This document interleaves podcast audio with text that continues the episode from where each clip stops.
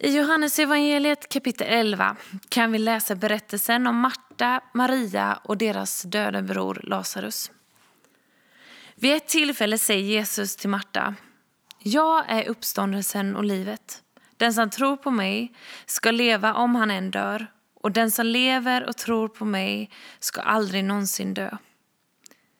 Detta säger Jesus till Marta, Lazarus ena syster, när Lazarus har dött. Jesus säger sig vara livets källa som har förmågan och makten att återuppväcka från död till liv. Samtidigt knyter han detta gudsanspråk till löften om att tro då han frågar Marta, tror du detta? Och hon svarar, ja herre, jag tror att du är Messias, Guds son, han som skulle komma till världen. Berättelsen fortsätter och Jesus möter Maria, Lazarus andra syster, som faller ner i gråt vid Jesu fötter och uttrycker samma sak som Marta. Herre, om du hade varit här hade inte min bror dött. Därefter säger hon inget mer. Tystnaden och besvikelsen i hennes uttryck är ett faktum. När Jesus möter den gråtande Maria och ser de eh, gråtande judarna runt omkring blir Jesus upprörd och skakad i sin ande kan vi läsa. Kanske blev han upprörd över döden, då skapelsen står i motsats till Guds ursprungliga plan. Eller kanske upprörd över den sorg som uttrycker hopplöshet och uppgivenhet som både Maria men också övriga aktörer visar. Jesus vet ju vad som ska ske, precis som många av oss läsare som har facit i hand. Jesus vet att Lazarus ska återfå livet. Därefter frågar Jesus vart Lazarus ligger och faller sedan själv i gråt. Troligtvis över samma anledning som han först blev arg och upprörd över att synd och död överhuvudtaget existerar i Guds älskade skapelse. När Jesus är på väg till graven försöker Marta hindra honom då förruttnelseprocessen redan är i full gång. Guds härlighet ska bli synlig i denna stund, menar Jesus och ber dem rulla undan stenen för graven samtidigt som Jesus ber. Far, jag prisar dig för att du hör mig. Jag vet att du alltid hör mig.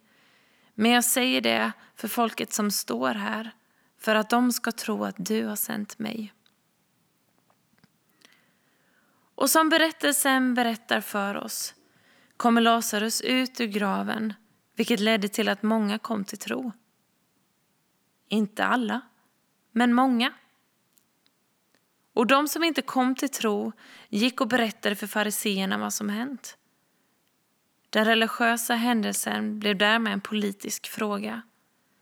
Fariseerna blev rädda för att de skulle förlora sin makt och ville därför röja Jesus ur vägen.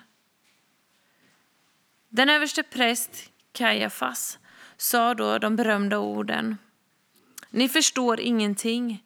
Inser ni inte att det är bättre för er att en man dör för folket än att hela folket går under? Och som vi vet, efter en högtid vi precis firat. Jesus dog och uppstod för att alla människor skulle få frälsning. Fariseernas syndabock blev ett offerlamm för att samla och förena Guds skingrade folk. Vad är det du fastnar för i texten?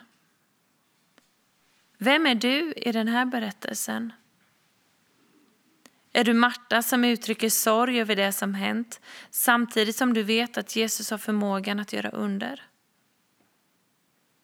Är du Maria som bokstavligen uttrycker din, sin besvikelse över det som hänt i ditt liv?